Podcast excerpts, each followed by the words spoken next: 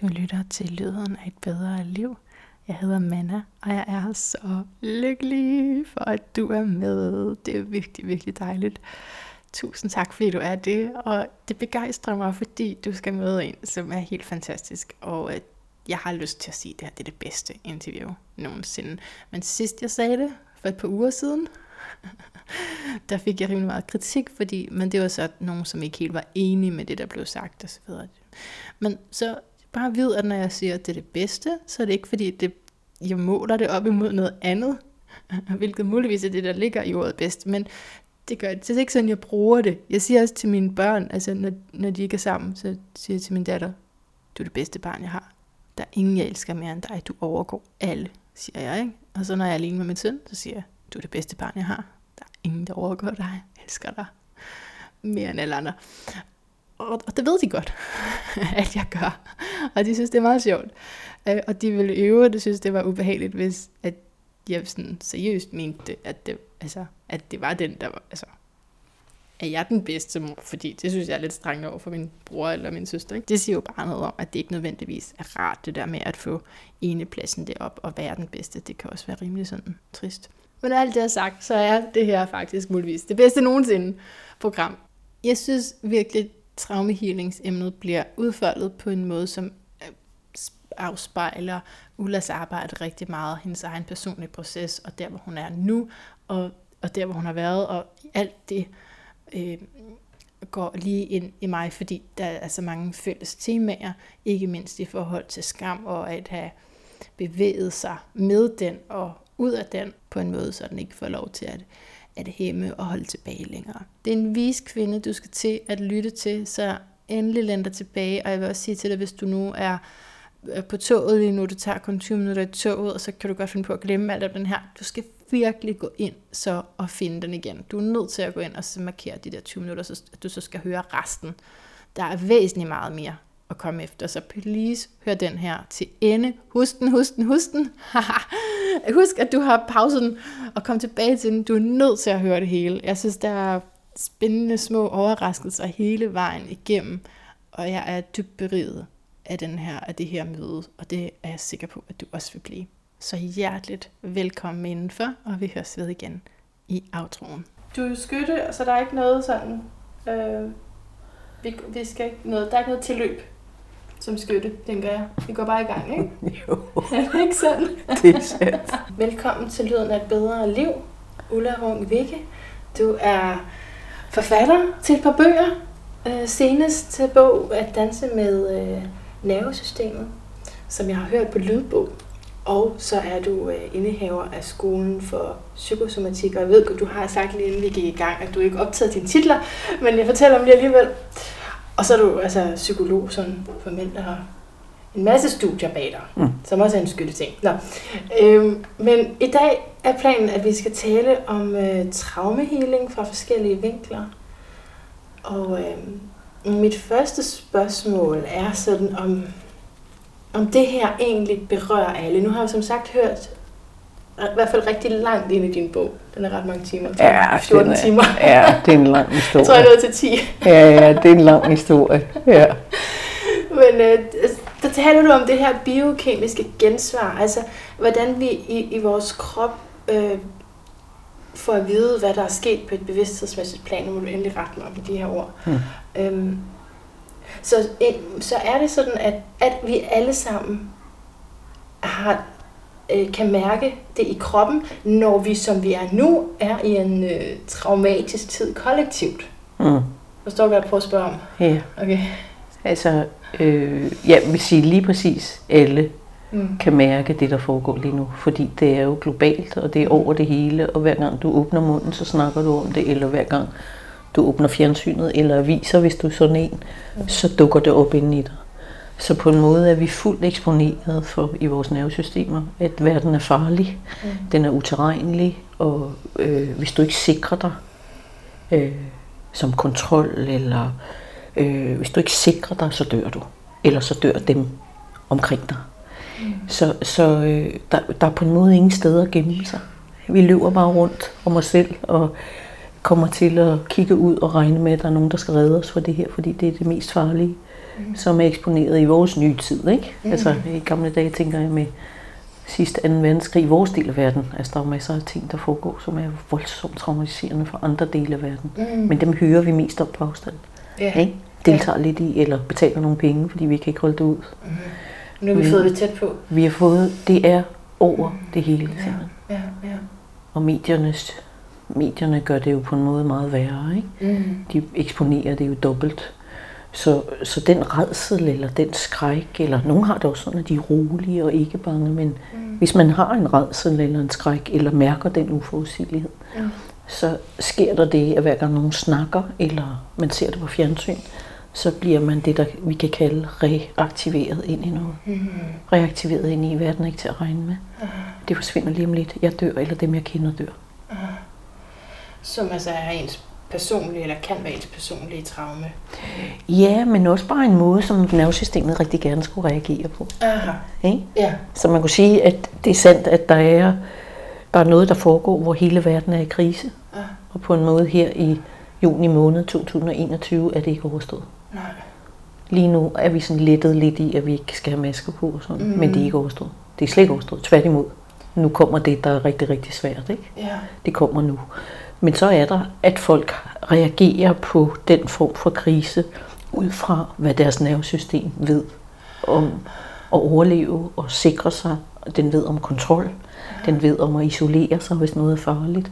Så på en måde vil du se, altså vi oplever det samme, men vi reagerer fuldstændig forskelligt. Måske kunne man sige, at der er lige så mange reaktionsmuligheder, som der er millioner af mennesker. Er det ikke milliarder? Hvor meget er det værd? Ja, 8,5, ikke? Ja, 8,3, ja. Øh, ja, og, og det her bare kommer i kontakt med, det er, at jeg begyndte sådan for alvor at interessere mig for traumaterapi i 2020. Er det ikke sjovt? Gjorde det? ja. ja. Altså, jeg startede øh, en uddannelse der i traumaterapi. Jeg endte som ikke at gøre den færdig, men det er stadigvæk øh, et, et kæmpe interesseemne for mig. Øhm, og, og det år, hvor mine egne traumer dukkede op i, ja, virkelig, og for, for real, ikke? Ja.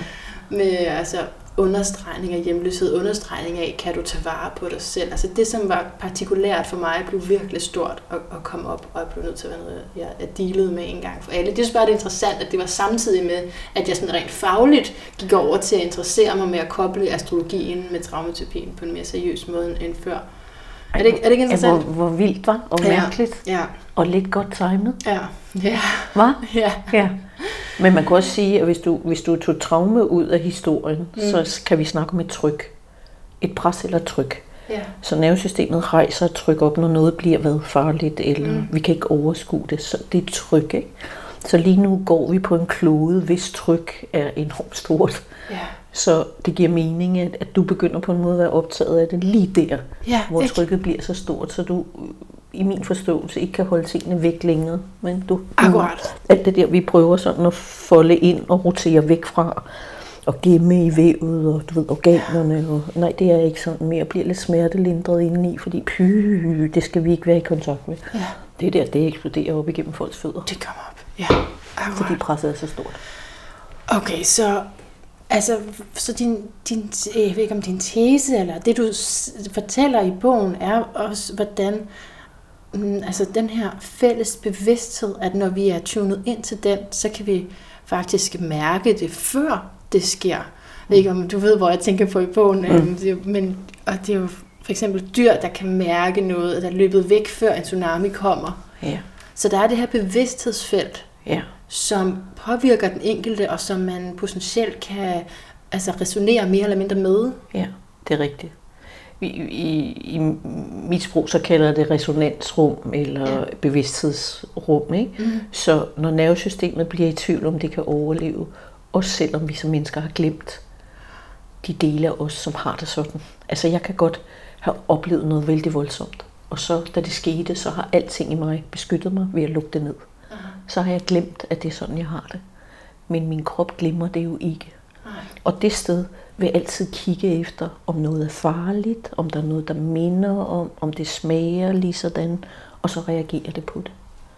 Så hele tesen omkring resonans, det var jo den historie med de 80 aber på en ø. Aha, vil du fortælle?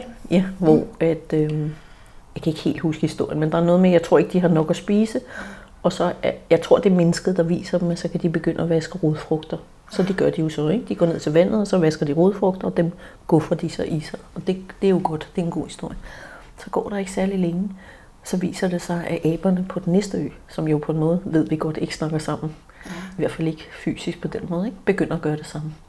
Så det er næsten som om, at det billede, at den, at det billede, den energiindpakning af, nu er det næste nature's order.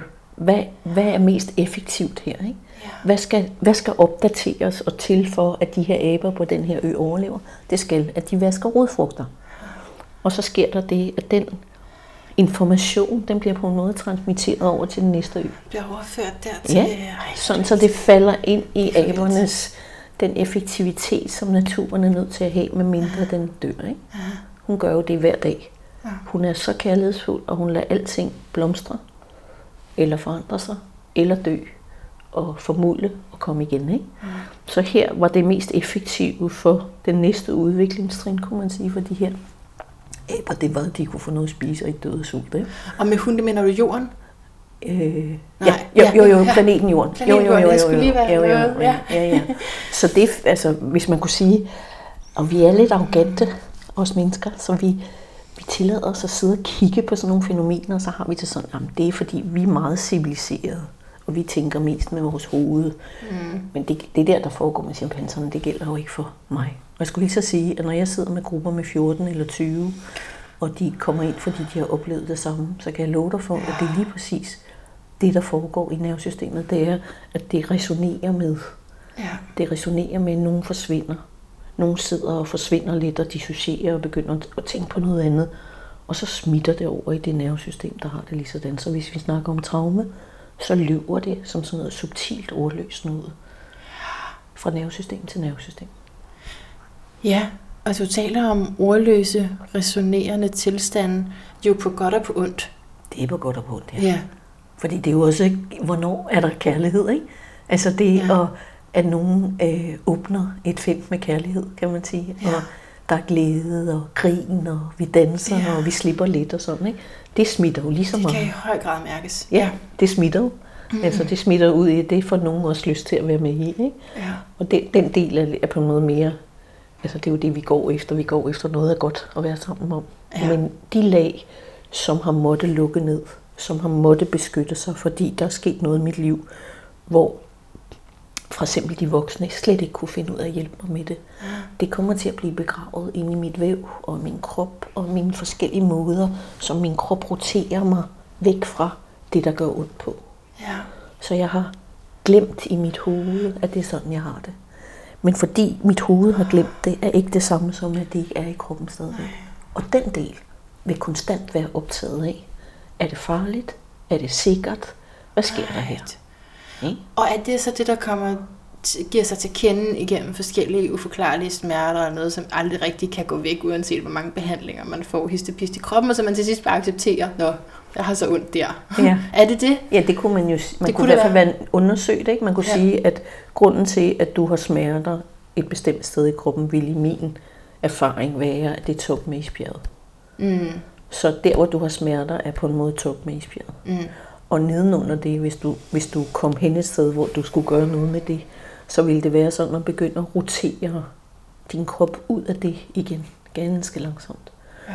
Fordi sådan et sted med så mange smerter, så har nervesystemet kabret. Det har simpelthen kabret det, der foregår. Og det gør det, fordi det fornemmeste nervesystem, man skal, vores nervesystem, det er ikke kun et nervesystem, det er også et hormonsystem og sådan, men, ja. men det er ligesom den, der ligger først, ikke? det er Ja. at sikre vores overlevelse. Mm. Uanset om vores hoved er med eller ej. Altså, nervesystemet er fucking ligeglad. Så bare luk ned, fordi du skal overleve. Ja. Sådan. Ja. ja. Roter dig væk, og glem det, og isoler det, og smerte, blive smertedækket ind i det, så, så jeg kan leve lidt længere. Det er jo en stor kærlighedserklæring fra naturens side. Jo, Der tak. hedder, at det her er en stor, stor smerte, du kan ikke håndtere den lige nu, af alle mulige grunde. Så nu sørger jeg for at bedøve dig nok, frigiver en hel masse stoffer, så du bliver sådan lidt smertedækket, så du holder op med at vide, at det er det, du har. Problemet er, at det ikke er gået væk. Nej. Problemet er bare, at det ligger et andet sted. Og hvis du igen tænker pres, men, altså, Ja. traume er et pres. Ja. Hvor går det pres hen? Hvor lang tid kan det pres være i kroppen, uden at det begynder netop at gøre ondt? mm. eller give påvirkninger ind i organer, give påvirkninger ind i immunsystemet, give påvirkninger ind i stofskiftet op i hjernen. Altså, hvor lang tid? Og så derfra jo ud i andre går ud fra. Altså så at, at jeg hele tiden påvirker mine omgivelser med det, jeg ikke selv har kigget på. Det er, tror, okay. det er meget sandt. Mm. Det er meget sandt. Så, så hvis vi så snakker den del, du som mor kender, ja. hvis vi snakker om, at, at traume godt kunne være en, en genetisk ting, eller en transgenetisk ting, sådan så at mormor havde det på en bestemt måde, og vi er jo en generation af børn og forældre af 2. verdenskrig. Ikke? Ja, ja, ja. Så min mor, hun var 8 år i 2. verdenskrig. Mm. Og min morfar var alt muligt, men han var også forretningsmand. Så han har kigget på, at hvem vinder her, og det var han sikker på, at tyskerne gjorde. Og så gjorde han det. Ja. At han simpelthen gik over, og så begyndte han at sælge ledervarer, og han, stod, han, han overlevede ved ja. at sælge til dem, som han troede ville vinde krigen. Ikke? Alright. Og det betød, da, da krigen så var færdig, så kørte de rundt med åbne lastbiler, og så samlede de alle de folk op, som på en måde havde været værende, altså som havde været på den anden side. Ikke? Så min mor som 8 ser min morfar blive hentet og blive bagbundet og skal stå op på en lastbil oveni, at der har været i hvert fald 5-7 år med så meget traume ja, og så meget frygt. uforudsigelighed ja. og frygt lige præcis. Ja, ja. Og skam. Ja. Øhm, så det at se ham køre væk, og han bliver fængslet, og han kommer først ud bagefter. Og i min terminologi er det derfor, han får en hjernetumor. Ja, ja, ja. Øh, og dør så ikke så lang tid derefter. Og det bliver på en måde en meget stor traume i hendes liv. Mm. Øh, som hun håndterer ved at sørge for, at hun hele tiden skal være dygtig. Hun skal have styr på det, og hun skal øh, på en måde rejse sig hen over det sted. Og det, den frygt, ikke? den ja. uforudsigelighed, den skam, den har jeg jo ligget i. Den går ned i dig, ja. ja. Altså, det og nu sagde du, vi alle sammen, så, fordi den der tanke er jeg meget vant til at sådan, tænke et par led tilbage, men, men det er en spændende tanke at sige, at vi er alle sammen præget af krigen. Altså, bare længere ude eller sådan. Ja, altså det er jo, det er jo jeg, nogle gange så oplever jeg det som en beskyttelse. Vi skal selvfølgelig tænke bloodlines eller family lines. Ja. Altså hvad ligger der i vores family and bloodline, ikke? Ja. Det er jo rigtig to generationer tilbage. Mm. Og det kan vi jo måle nu. Vi kan jo måle, at, at kemien følger, altså epigenetik, at den følger, du ved, dem vi kommer af. Ja. Men det har der stor betydning af, hvad for et kollektivt traume. Altså, hvad var sidst, ja. ikke? Det var 2. Ja. verdenskrig, 1. verdenskrig. Ja. Vi, Fordi alle jo i en eller anden grad er påvirket af det, ja. og vil sende det med ned på hver deres måde, ikke? Ja. ja. Livet er farligt, eller jeg skal huske noget om det, fordi man ved sgu aldrig, ikke? Ja. Og nu mm. har vi en til, som vores børn desværre, desværre er blevet påvirket af. Ja. Der hedder, at andre mennesker er farlige. Mm. Altså, andre mennesker kan smitte mig, andre mennesker kan sørge for, at jeg dør, ja. andre mennesker kan sørge for, at min mor dør, Mm. Øhm. Hele splittelsen tænker jeg også på, hvad er sandt og hvad er falsk. Øhm, det, er, det med at øh, være øh, uhyggelig vant til masker, ikke at kunne se folks sande ansigt, og ja, der er meget i det, ikke? Ja. ja. Og at have fået det der brud, netop som du siger, uforudsigeligheden ved det, altså ja. det der brud, som man, man, jeg skulle til det der, men det kommer ikke til at ske næste par år. Ja. Ja. Det er jo for vildt. Det, det er den ene del, ikke? At, ja. at det er der netop det er sandt, at det er et mm. brud. Mm. Men altså, vi var i gang med noget, ja. og det er fuldstændig øh, opløst ja. nærmest. Mm. Men jeg synes, det der er værre, det er, at vi er designet til at indgå i kontakt. Vi er simpelthen biologisk ja. designet til at have kontakt. Vores ansigtsnerver kigger på dig. Ja. Mærker på, uden at jeg måske registrerer det. Hvad er du for en? Og er du venlig, og vil du mig det godt, og ser du sød ud, og ja. lyver du for mig? Har du gemt mm. noget, når du kigger på mig? Altså, mm. alt det der, det løber som masse, masse information. På en måde næsten ligesom de 80 aber. Ikke? Ja.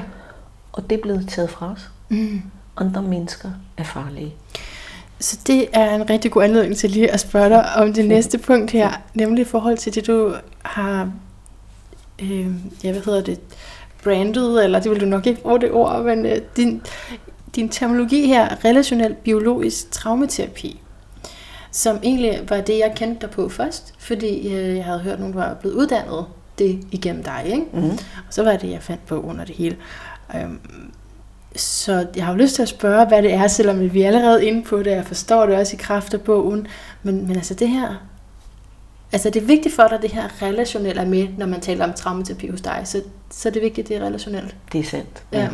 Dejligt, du altså understreger det. Ja, Ja. det er, øh, og relationelt er ikke, at jeg sidder på min stol og er fuldstændig adskilt fra dig.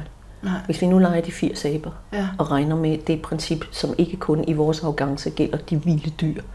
Det gælder os, det gælder vores nervesystem, Ja. ja. det gælder simpelthen måden, vi sanser på. Ja. Ikke? Mm. Øhm, det jeg tror, det jeg ved om mit system, det er dannet ud fra på en måde en frustration og Mm. også en ensomhed i, at hver gang jeg sad med mine egne traumer, så var der nogen, der ville lave noget metode på det. Ah. Der var nogen, der sad, de sødeste mennesker, der ville alt muligt godt med mig. Ja. Men det var hele tiden adskilt fra det der, jeg sansede og mærkede. Så på en måde blev det ved med at være ensomt i mig. Så på en måde blev jeg ved med at føle mig skamfuld over, jeg havde det sådan. Altså en form for terapi, hvor du, det var en til en. Ja, eller det kunne også være i grupper. Okay. Altså, så, så det overhovedet at begynde at arbejde indefra i mig, og bede de folk, der kommer hos mig om, at begynde at genkende deres egne beskyttelseslag, deres mm. egne steder, hvor de roterer sig væk, mm. deres egne steder, hvor de forsvinder, de steder, hvor skammen er så stor, så de aldrig nogensinde kommer til at være i nærheden af det. Altså de, de dele hos os selv, som vi hele tiden holder væk fra kontakt. Mm. Og det sted kan vi lave sådan en vi kan lave sådan en fin kjole, du ved, og sidde på en fin stol og have tre store uddannelser og en bog at skrive i. Så kan vi sidde, så kan vi forholde os til den anden, som har traume fra det sted. Uden nogensinde at komme i kontakt med der, hvor de 80 aber er i mig. Ah. Så hvis jeg skal, hvis jeg skal i dybet lave relationelt arbejde, så er jeg nødt til at komme ind på, i Ullersprog, min inderside i min krop. Jeg er nødt til at begynde at have adgang til, hvor forsvinder jeg hen, når det bliver svært. Ja. Øh, hvad gør jeg med min isolering? Hvad gør jeg med min skam? Hvad gør jeg med min enorme angst? Hvad gør jeg med mit had? Hvad gør jeg med min afsky? Mm-hmm. For ellers så bliver det på en måde skævt. Det bliver på et andet niveau, det der foregår. Så på en måde, det at arbejde med mennesker er det vildeste selvudviklingsarbejde også, eller kigge ind af arbejde for en selv, Ja, det vil jeg jo synes. hvis du, hvis du virkelig dukker op, ikke? Ja. Frem for at det bare er teorien, som måske ikke, i hvert fald ifølge din erfaring, ikke forløser så meget. Var det, det var det, der gør forskellen i forhold til den, alt det terapi, du fik i starten, eller de behandlinger, det var, at det var for teoretisk på en eller anden måde? Nej, jeg synes også, der var meget hjerte i det. Okay. Altså, det Okay. synes jeg, men jeg synes, jeg mødte mange, som gerne ville mig noget godt. Mm-hmm. Men hvis jeg skulle sige det sådan, så var de var ikke i deres maveskin. Sådan. Nej. Altså, så, det, så det på en måde var noget hjerteligt, og så var der en hel masse intellektuelt, de gerne ville med mig.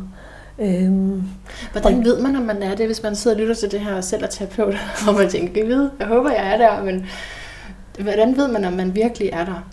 ja. Men spørgsmålet er også, om man synes, man skal være der. Men, Ja. altså, det skal jo ikke være et enten eller, eller Nej. det skal jo ikke være sådan, at fordi man er intellektuel eller har noget teori, så er det dumt. Nej, nej, nej. Det er, jo, det er jo bare et spørgsmål om timing, og det er Ja. et spørgsmål om forskellige niveauer. Mm. Og jeg har haft en, jeg har altid haft så meget skam.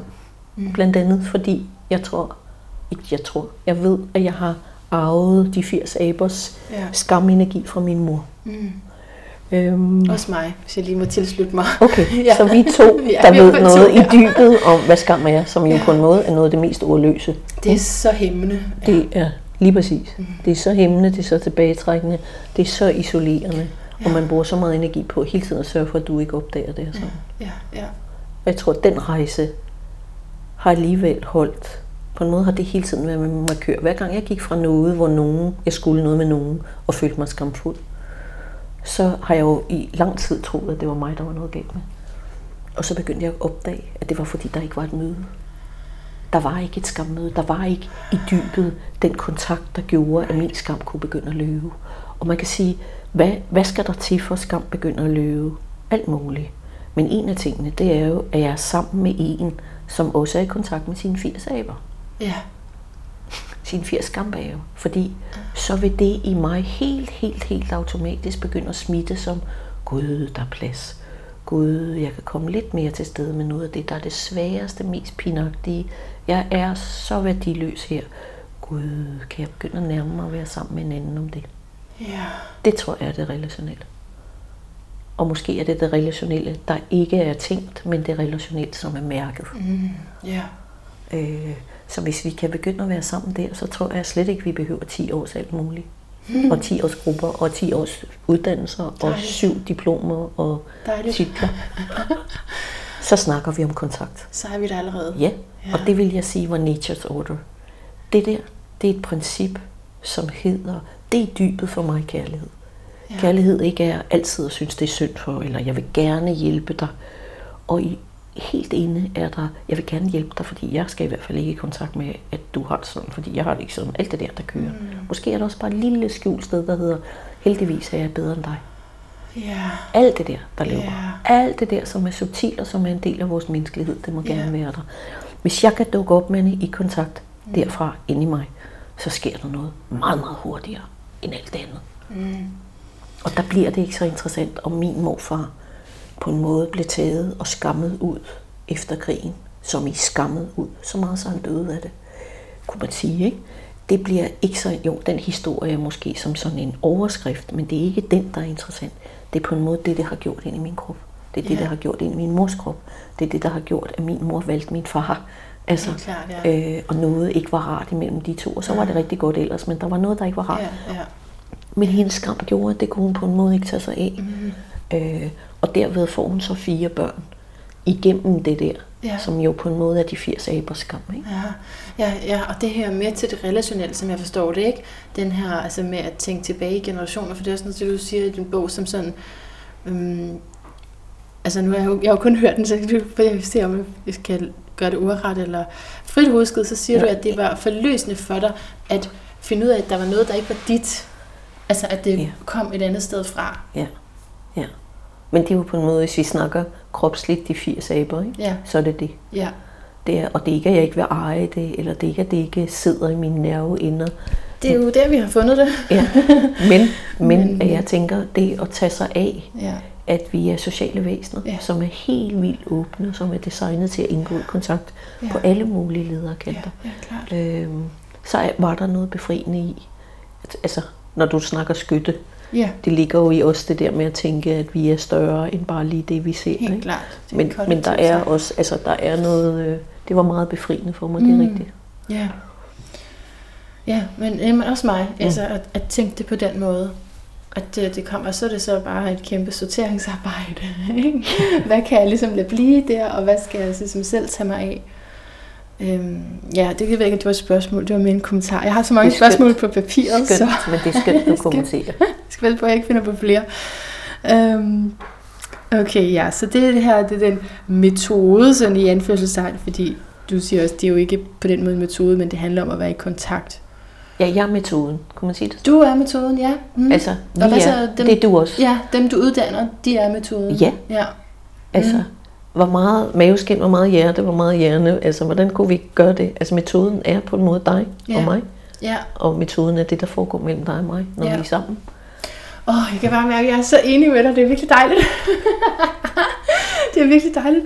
Jeg kommer til at tænke på øhm, sådan her mit, et, mit almindelige arbejde. Jeg har sådan et kort, der ligger her, visitkort, hvor jeg hedder Manna Munk.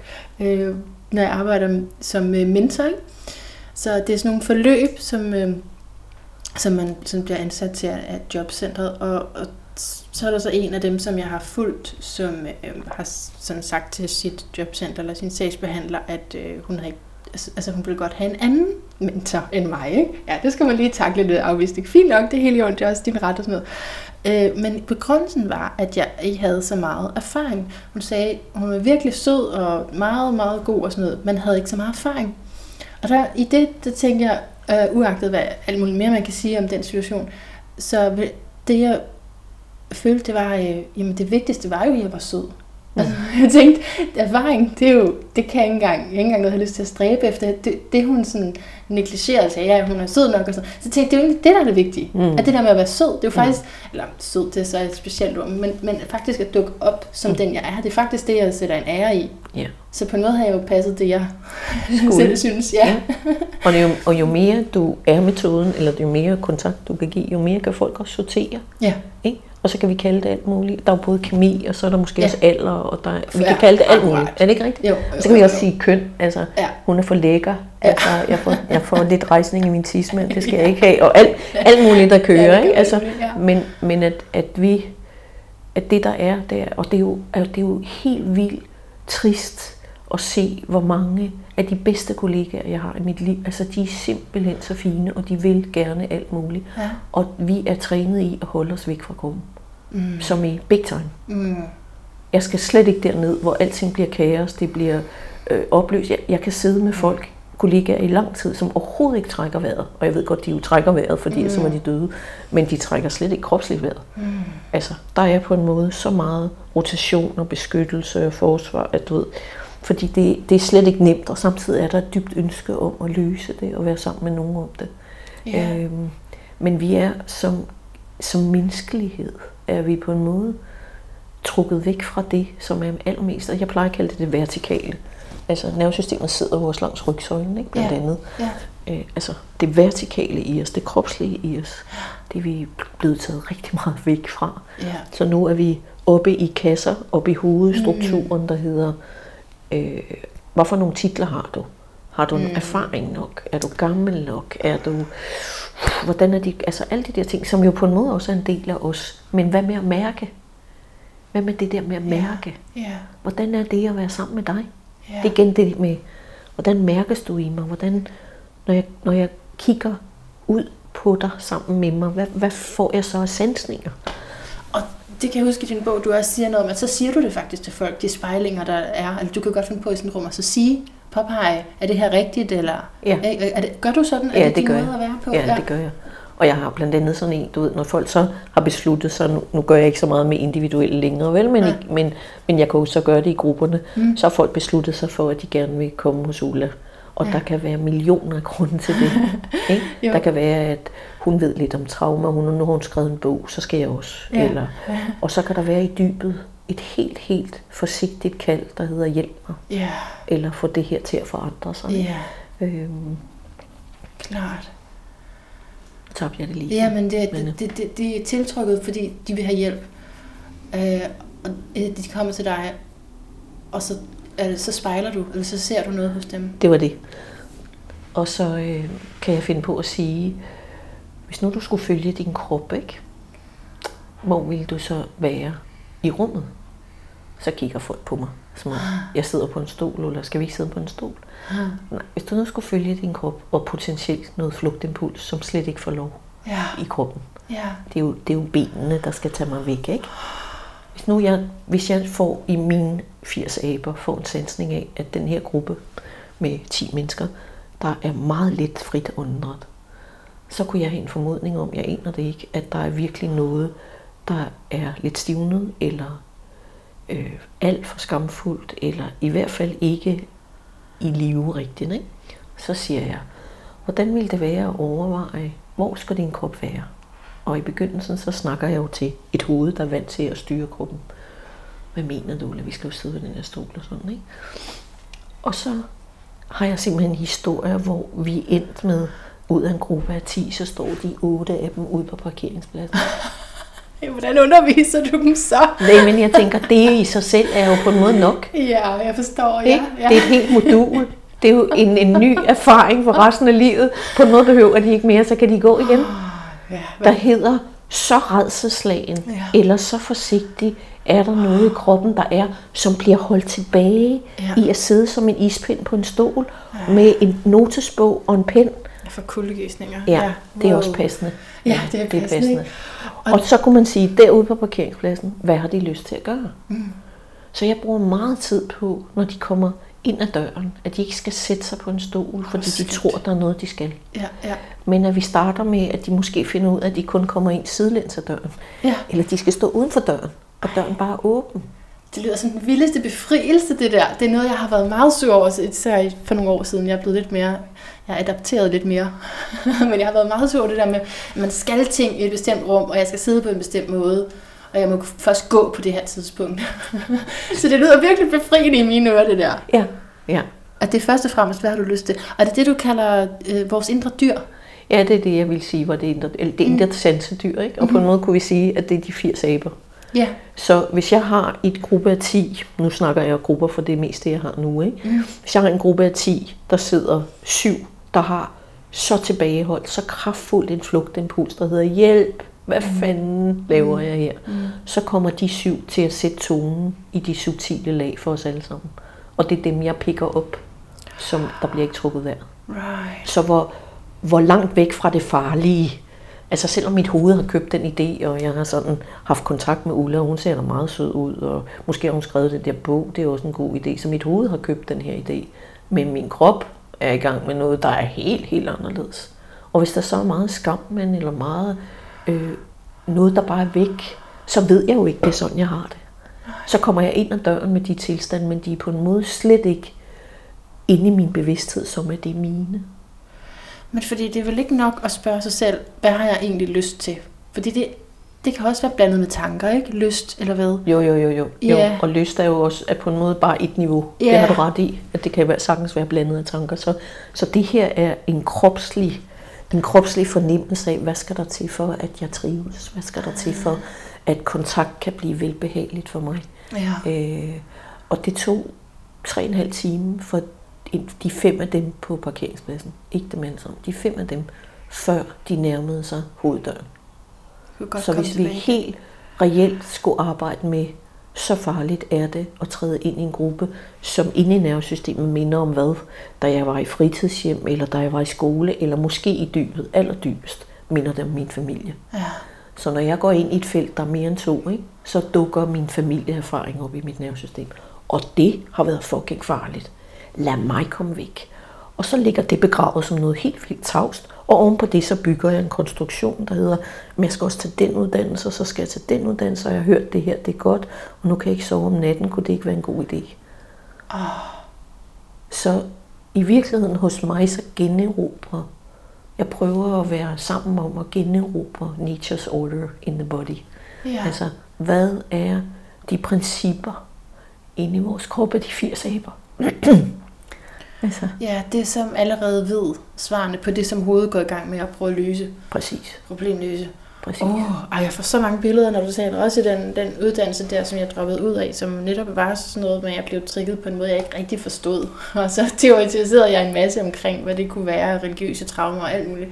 Men, øh, men det, er, det er meget pigerne, det du fortæller med, altså på, på en eller anden måde, at jamen, hvordan taler man med kroppen om det? Fordi så kan, det er jo ikke sikkert, at jeg så kan formulere det, eller hvad? For det er det ordløse. Nej, det, er- det, er- det er ikke Mm. sikkert, du kan det. Nej. Så for en periode kan det være, at du har brug for sådan en mærkelig en som mig, Ja. som på en måde har haft så meget skam. Mm. Og hvad? Ja, I virkeligheden vil jeg være fræk nok til at sige, at 90 procent af den skam, Manne, var ikke min. Nej. Og jeg ved ikke hvorfra. Jeg vil sige, at 10 af den er helt reelt min. Mm. 90 procent var noget andet. En blanding af min mor og far. Ja. Øh, så, så man kan sige, sådan en, en mærkelig en som mig, som har været har valgt og blevet tvunget ind i alle de lag af så meget alt mulig smerte mm. og alvor og råhed, som der er i det her liv også. Mm. Så kan du godt have brug for mig i en periode, der på en måde ordsætter den sansning, jeg får. Ja. Ikke så meget alt muligt andet, men den sansning. Og det synes jeg igen, du laver sådan nogle gode overgange til mine spørgsmål. Det er perfekt, fordi øh, du har nemlig en masse erfaring med det her. 30 plus år har jeg skrevet noterne. Passer det bare godt? Ja.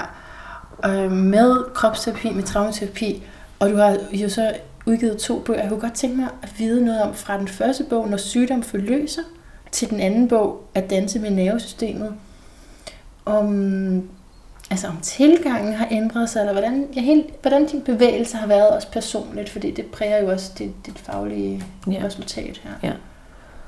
Altså, øh, min baggrund var, at jeg startede som medicinstuderende. Ja, Og så, øh, jeg har altid haft en optagethed. Jeg tror, de 80 aber har boet i mig fra begyndelsen. Mm.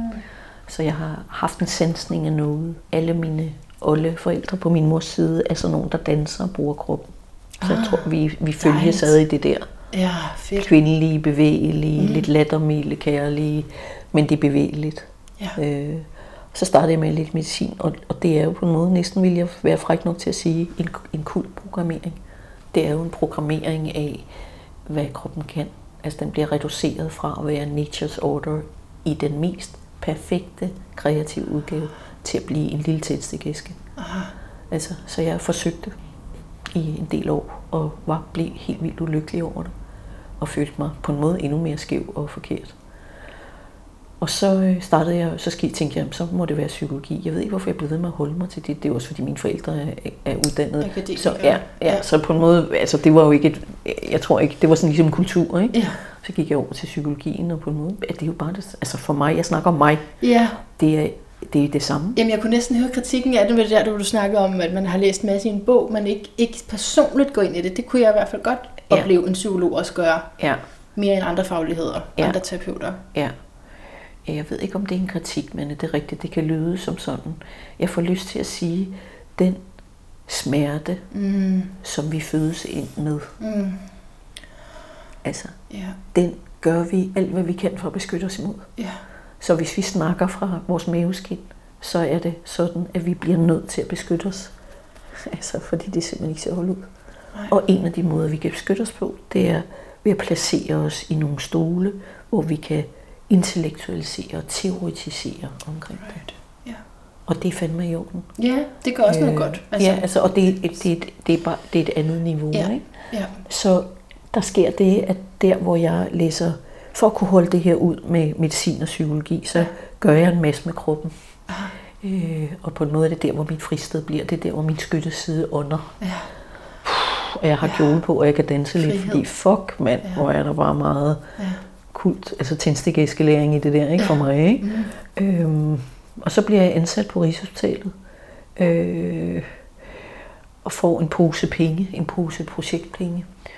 Og så er mit job at prøve at tilbyde øh, kropskontakt og på en måde det der resonansfænomen, de 80 aber, ind i folk, som har, altså i deres system kaldes det jo patienter, hvilket er enormt nedladende. Men det var mm. ligesom, jeg havde en gruppe af mennesker, som havde symptomer, og som i Rigshospitalets regi blev kaldt patienter, ja. og dem skulle jeg lave noget sammen med. Det er en af de ting, man må acceptere ved arbejdsmarkedet, ikke? at ja. der er sådan nogle ja. fagbegreber. Ja. Patienter. Men det er på en måde det samme som metode. Ikke? Ja, ja altså, Det er en metode, det er begreb, ikke? Ja. som vores hoved kan på en måde kan vi kapere det. Kan vi genkende hoved. det, ja. ja. Og så øh, øh, faktisk på det tidspunkt, ikke, så havde jeg droppet at blive færdig som psykolog. Okay. Fordi jeg kunne på en måde ikke holde det ud. Nej. Øh, så jeg sad der som, jeg tror, jeg, jeg manglede mit speciale. Jeg tror, jeg manglede et år, ikke? Måske halvandet. Jeg kan ikke helt huske det, men det var tæt på. Og, øh, og jeg sad der, og så fik jeg en masse data af det arbejde, jeg lavede med kontakt og skam. Og hvorfor var der? Det var, det var en gruppe af allergikere, så det var en gruppe med voldsomme astmanfald. Enormt meget allergi. Og nogle af de historier, de kunne fortælle men om, hvordan deres morfar havde reageret mm på, når de fik astma, og måske i virkeligheden den dybe kropslige angst, der ligger i at være snoet så meget ind i sig selv. Mm så at jeg næsten ikke kunne gøre andet end at få astma. Og den smitten, som måske i virkeligheden stammede fra mor eller far først. Ikke? Mor eller far har en høj grad af redsel, som aldrig var erkendt og som boede i mm. kroppen. Og den har jeg så ligget i og skulle danne mig i og tilknytte mig i. Og så har jeg en biologi, som er følsom, så jeg får enormt meget astma og allergi. Ikke? Så hvad kommer først, hønen eller ikke, det er måske ikke så interessant, men i hvert fald var det noget af det, der blev rigtig tydeligt. Mm. Og så blev det til, at det, det blev materialet til den første bog, Når sygdom forløser. Som jeg tænker er sådan en meget kontrær titel, ja. når du har læst medicin. Når sygdom forløser, når det faktisk gør noget godt for os. Ja. ja. Eller man kunne sige, hvis nu vi tænker, at det er, er mange af de symptomer, vi har, for mig stammer fra traumatologi. Altså stammer fra traume, som ikke er blevet cirkuleret eller i virkeligheden reguleret. Ja. Den er blevet, det er blevet holdt fast, og det er blevet du ved, skubbet ud i væv og knogler og led. Og, altså, mm. så, så for mig er det øh, mange, mange symptomer, vi har, som kommer af et tryk, ja. traumetryk, der ja. ikke er blevet reguleret. Ja. Jamen, det giver mening. Og så er vi jo tilbage til, at alle har traumer. eller jeg tror også, der er noget med, at alle er påvirket af den her traumatiske situation, men måske også uagtet det, så har vi alle sammen traumer, om det er noget, vi har oplevet det her liv, eller vi har fået overført fra tidligere generationer. Ja. Og der, og der ligger så kim til sygdom. Ja, så jeg vil jo sige, at det, det er jo det, er det der kendetegner os mennesker. Det er mm. jo både en kæmpe evne til en høj grad af kærlighed og medfølelse. Det ser du lige nu. Ja. Du ser, hvordan en hel befolkning i verden ja. kan styres ind imod, at vi skal passe på andre. Ja. Det der, det er kærlighed. Det er ja. misbrug kærlighed. Mm. Det er, at nogle systemer misbruger kærlighed til andre mennesker. Det er så tageligt, det der foregår. Og det viser noget om, hvor meget kærlighed vi har til hinanden. Hmm. Og det er den ene del af det, og den anden del er jo den dybe, dybe smerte. Den hmm. dybe, dybe, dybe smerte, som vi alle sammen ejer. Ja. I forskellige, som du siger, grader, eller mm. du ved, forskellige mærkninger, forskellige fortyndelser, men den er der. Jeg tror, det er derfor, vi overhovedet er her. For at gøre noget ved den. Ja. Det altså, kunne jeg godt være enig med dig. Kunne det ikke være, være meningen og forklaringen på det jo. hele? At det faktisk er grunden til, at vi er her, og ikke sådan et, nå desværre, den er der også, men faktisk, det er faktisk derfor, ja. at du skal igennem nogle ting for at arbejde med det. Ja. Men man kan også sige, at hvis vi så havde haft den tankegang, mm. ikke? Altså, som jeg er enig med dig i, bare lidt fra en anden vinkel, ja. så kunne man sige, tænk hvis vi havde kunne stå sammen om at håndtere den høje grad af dødsangst, som den her coronavirus, eller hvad vi nu kalder den, øh, har afstedkommet. Ja. Tænk hvis vi kunne stå sammen om at regulere det og forløse det og forsikre og på en måde bringe os selv og andre i sikkerhed, som i rigtig sikkerhed, indeni. Altså, og jeg bliver ved med, jeg snakkede med Søren Vintegodt om den dag, jeg kunne godt tænke mig, at vi havde sådan nogle stationer, forskellige mm. byer, mm. hvor man simpelthen kunne mødes hver søndag fra 2 til 4. Og øh, så tog vi os af det høje tryk, oh, der måtte være. Ja. Mm. Sådan så, når du så siger, det er derfor vi er her, mm så kunne det være en af de steder, hvor nu er, nu er det farlige så tydeligt, ja. eller ej, og mm. kan vi tage os af det. Ja, fordi der er truslen på det fysiske, men så er der det emotionelle, som var det, vi var inde på i forhold til børn og uforudsigelighed, og det brud, de oplever, det oplever vi jo alle sammen i en eller anden ja, udstræk. andre mennesker er farlige. Ja. Hvad gør det ved os? Sådan en ja. station hver søndag fra ja. to til fire, ja, ikke? Det skønt. Ja, jo, hvordan kunne vi tage os af det, uden at der var for meget historie i det, mm. men på en måde tage alvorligt. Altså, så tænker jeg også, det der fuldstændig langt ude med, hvis man så er på røven, så skal man have 10 gange hos en eller anden, som først har tid om et halvt år. Altså, og man skal helst også kunne betale for det. Ja, hvis det er øh, psykolog, ikke? Ja, så... en psykiater. Hvis det er psykiater, så er vi oppe på et år. Altså, hvis, øh... Ja, og, terape- og terapeuter kræver, at du har overskud til at betale selv. Og det er hele den der konstruktion ja. for mig i tændstikken, ja. der hedder tændstikæsken, der hedder, så skal vi, altså, hvor det her kunne være en fælles ting, vi gør, ja. som ikke behøver at tage så lang tid, ja. men som handler om kroppen. Ja. Hvad har din krop til at, lyst til at gøre med det her pres, der er? Jeg har lyst til at stå ude på parkeringspladsen to og en halv time, så lad os gøre det. Ja. Så bange er jeg, Ulla. Og for første gang i mit liv, jeg er over 60 år, for første gang i mit liv, Ulla, så mærker jeg, hvor redselslagen jeg er. Ja. Det er godt. Lad os være sammen om det. Ja, for, for at mærke det ja. er en del af healingen. Ja, mm. mærk det og lad det løbe og få noget kontakt ind i det, ja. så det på en måde kan transformere og flytte rundt på det der tryk, der er inde i. Jeg synes, vi skal lave de der stationer. Det, det er godt. Ikke, kan du ikke få et, nogle projektpenge til det? De skal slet ikke koste noget. Nå, det skal ikke koste noget. Det skal. Ved du hvad, penge er en del af den der tændstikæske. En penge, penge og det, der foregår med penge, det er noget af det, der forhindrer den her traumehealing i at løbe, som den skal. Det er det, jeg mener med, det er ekskluderende, at man skal have en, en, et års venteliste. Man skal ja, til den ja. og den for at blive ankendt. Ja, man skal ja. have den og den diagnose for, at man får de her penge. Altså, det, det er en ekskludering. Ja.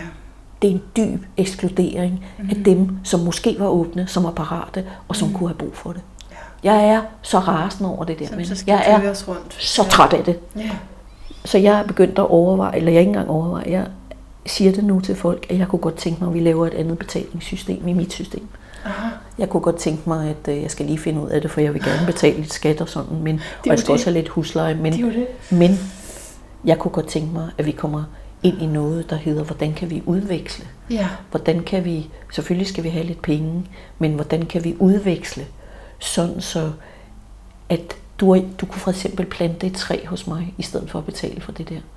Du kunne komme og hjælpe mig med min vilde himbær, som vokser mig over hovedet, for der er 250 meter af dem. Altså, du kunne gøre noget, som du ved i gamle dage kunne være sådan lidt hippie-go-lucky, men på en måde er det meget dybere end det. Ja. Det er nature's order. Oh, det er meget spændende. Det er meget spændende. Og så kommer vi udenom det, som penge på en måde kidnapper, som det holder, og som det ekskluderer. Kidnapper holder ikke det der, altså mennesker, der ikke har. Det er mennesker, Ja. der enten ikke har, Mm. eller øh, ja, mennesker, der ikke har, mennesker, der har brug for det, børn. Øh, den enorme misbrug, der er af naturen konstant, Ja, for pengenes skyld. ja. Og Fordi det er jo uretfærdigt. Altså, det er ikke sådan, at du har, hvad du fortjener. altså, desværre ikke. Det er Nej. mega uretfærdigt. Mega skævt, hvem der har, hvem der ikke har. Og også det med det hele taget, hvis man skulle gå ind i ideen om, at vi kan manifestere og tiltrække, så er der jo nogen, der har et meget ringe udgangspunkt for Mm. mm. det Mm. arbejde. Mm. For nogensinde at komme derhen, hvor man tør tro på, at jeg kan være andet end der, hvor jeg er. Mm.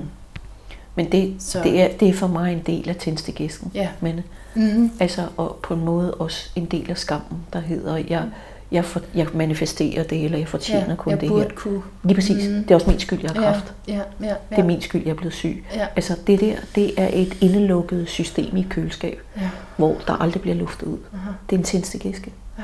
Det er en del for mig af det slavesystem, som er en del af traumet. Mm. Der hedder, at vi skal gøre det på en bestemt måde. Det er min egen skyld. Det er en del af den dybe isolering, der hedder, jeg kommer aldrig, aldrig, aldrig til at kunne gøre andet end det her. Ja. Og vi er separeret. Ikke? Det er. Vi er så ekskluderet fra hinanden. Ja, Det er det, jeg ja. mener. Og en af mekanismerne i det, det er penge. Ja, ja, ja. Wow. Ja. Som en af dem.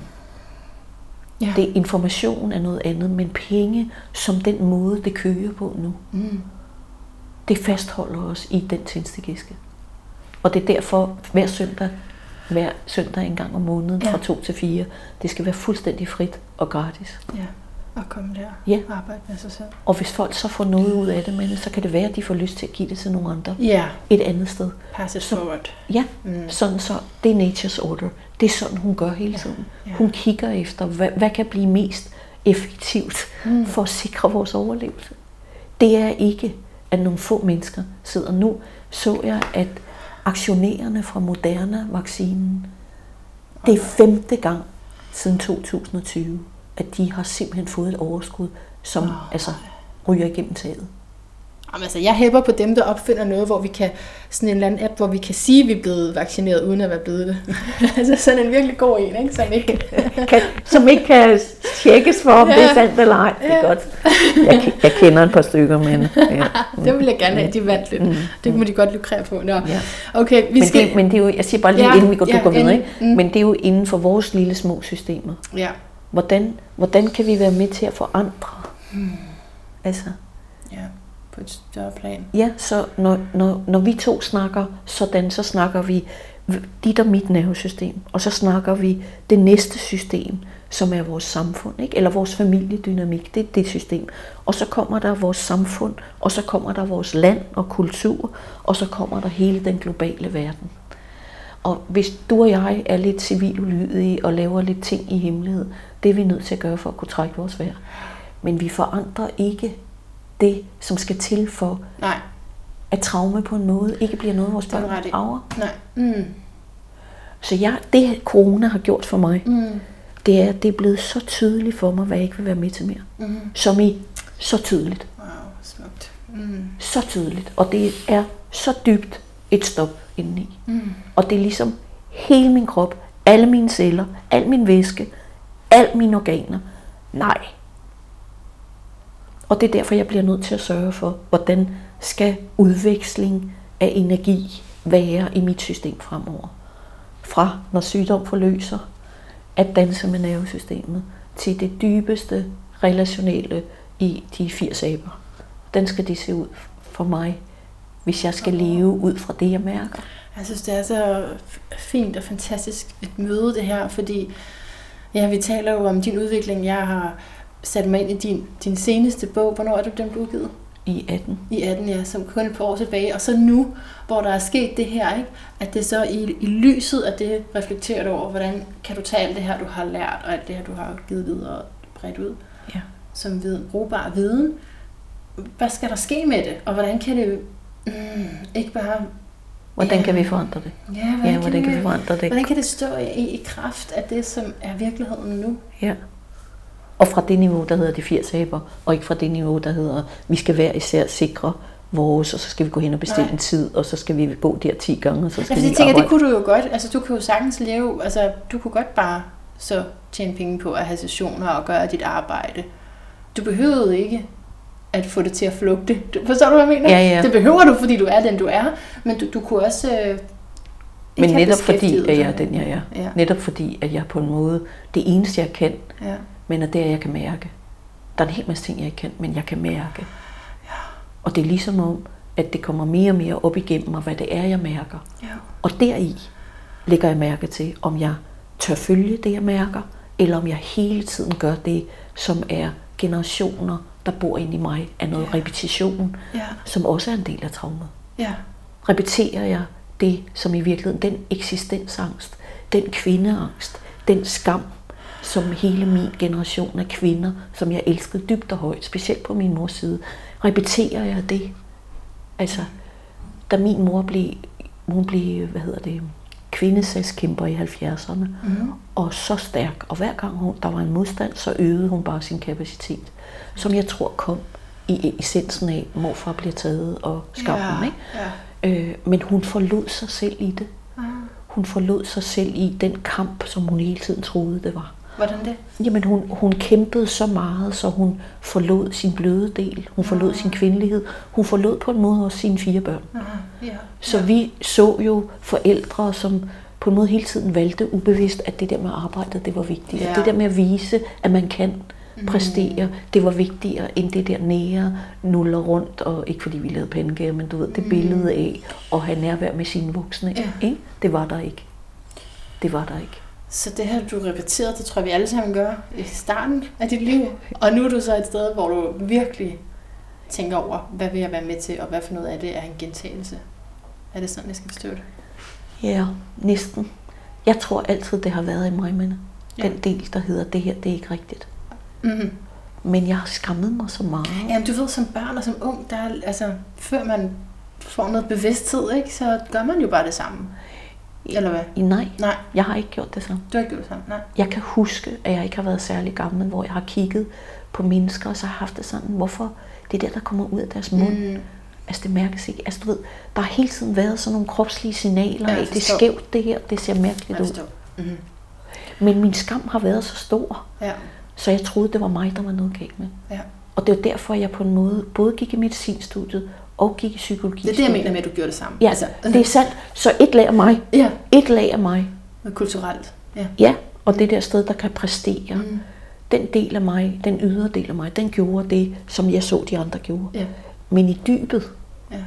der var noget helt andet, der foregik. Yes. yes. Og på en måde har både min alder og det, at, at så kom første bog, og så blev jeg jo så færdig som psykolog, fordi det var der nogen, der sagde, at det var en meget god idé.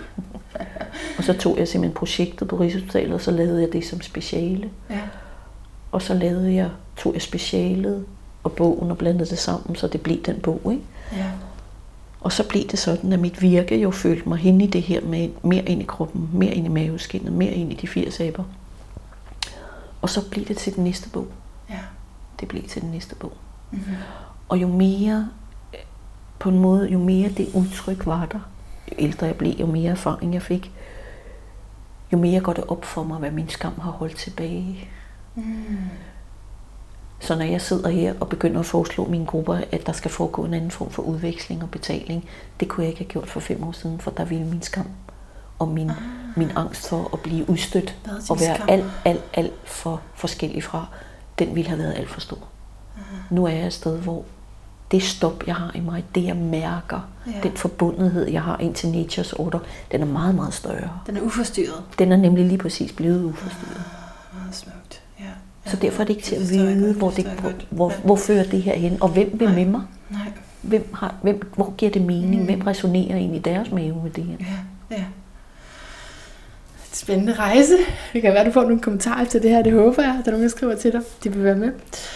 Øhm, Ja, så det var den her bevægelse. Jeg får virkelig også lyst til lige at snakke lidt astrologi.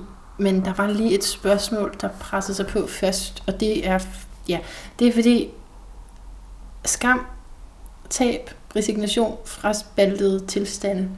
Det er lidt samme felt. Ja. Og det, det var faktisk, øh, jeg har glemt at sige, men det var en øh, lytter, der har anbefalet, at vi skulle snakke sammen. Men jeg ville jo have snakket med dig allerede øh, inden faktisk, ikke? for vi skulle have snakket sammen i en traumaterapi-podcasten, da den ja. var der. Øh, så vi havde været i kontakt, men så var der en lytter her fra Lyden af Liv, der skrev, du skal snakke med hende, Ulla, der. Om netop det her med fraspaltet tilstand og skam. Øhm, ja, kan ja, du, vi kan har du næsten, sige, ja, vi har snakket, ja. er, det, er det ikke rigtigt? Jo, det eneste er det der med, at fras, når noget er fraspaltet, fordi jo også i traumaterapi, at man så ligesom skal arbejde med at få det, få det ned i kroppen igen. Altså noget, der er noget, som er dig, men du, det er der ikke. Det er ikke tilgængeligt for dig. Ja, altså i virkeligheden kunne man sige, det, det er der i kroppen. Men ja. det skal ikke ned i kroppen igen. Det er i kroppen. Det er i kroppen, det er kroppen, der på enhver tid, ligesom Nature's Order, hun, ja. hun tager imod alt det lort, ja. der kommer hendes retning. Ikke? Ja. Sådan er det også i kroppen. Kroppen mm. holder det tryk, som af en eller anden grund ikke kan cirkuleres. Okay, ja. Vi kan ikke trække vejret, vi kan ikke omsætte det, vi kan ikke formule det, hvis vi snakker jordsprog. Mm. Altså, det kan simpelthen ikke blive omsat. Så det, der så sker, det er, at det tryk ligger sig ud i ledkapsler og bindevæv. Det ligger sig ud i trykket i vores organer. Det hele er jo blødt derinde, og 80 procent af os består af vand. Kan du forestille dig det? Mm. Hvordan man kan flytte rundt på sådan et skub. Mm. Altså, man kan, man kan, de der tryk, det kan flyttes rundt sådan sig selv. De små celler, som skal lave kalium, og, altså som skal have små ioner og balance i det, det bliver også forskubbet. Hele lortet bliver forskubbet. Mm-hmm. Og, og, og vi er designet til, det er ligesom en trampolin, vi er designet til at kunne tåle et vist pres et vist stykke tid. Og så skulle det gerne være tidsbestemt, og så skulle det gerne begynde at give sig. Ja. Og det, der sker tit, fordi vi har så meget af det, ja. og fordi vi har skabt i alle felter en struktur, som holder traume lust inde i individet ja. og låser skam inde i individet, ja, så vi ikke kommer til at tage os af det, mm. som vi i virkeligheden skal tage os af det. Ikke? Altså, så bliver det jo fraspaltede tilstande. Okay. Det, bliver, det bliver for meget for mig og min familie, eller det, der foregår i mit liv. Jeg kan ikke tage mig af det. Jeg forstår. Og fordi, det, for der har været forskellige besvarelser på det her i podcastens historie med, fordi der er også en, en tanke med, at man kan hente nogle dele af sig selv, altså et andet sted, eller sådan, men for dig der er det en, en kropslig Nej, ting. altså det, jeg, jeg, det er rigtigt. Altså, jeg, jeg kender jo hele den tradition med øh, efterladte energidele eller konstrukt. Altså, ja, jeg tænker, at al, ja, ja. Alle, alle delene går alle sammen til rum. Altså, ja, det handler om det handler om at inkludere det, der er blevet væk. Ja. Men, men vi kommer til at tænke med vores hoveder, når noget ja. er blevet væk, ikke? Ja, hvor er så, det lige præcis, lige præcis, og så må det ligge i en skuffe, eller så må det ligge ude i æderen, ja. eller, øh, og det er jo også sandt. Men, men altså, det der er med den her jordmand, som vi har glemt, ikke? det er, vi, hun manifesterer os. Altså, hun, hun gennem undfangelsen bliver vi simpelthen skabt som det, vi er. Og det gælder kun den, altså, det er den her klodes varemærke, det er, at vi kan manifestere det fysiske her. Ja. Det er det, vi kan. Ja. Og vi bliver ved med at gå væk fra kroppen. Ja. Og derved også naturen. Og så har vi den arrogance, der hedder, at dyr, det er sådan noget vildt noget, der er usiviliseret, som vi kan sidde og betragte. Mm.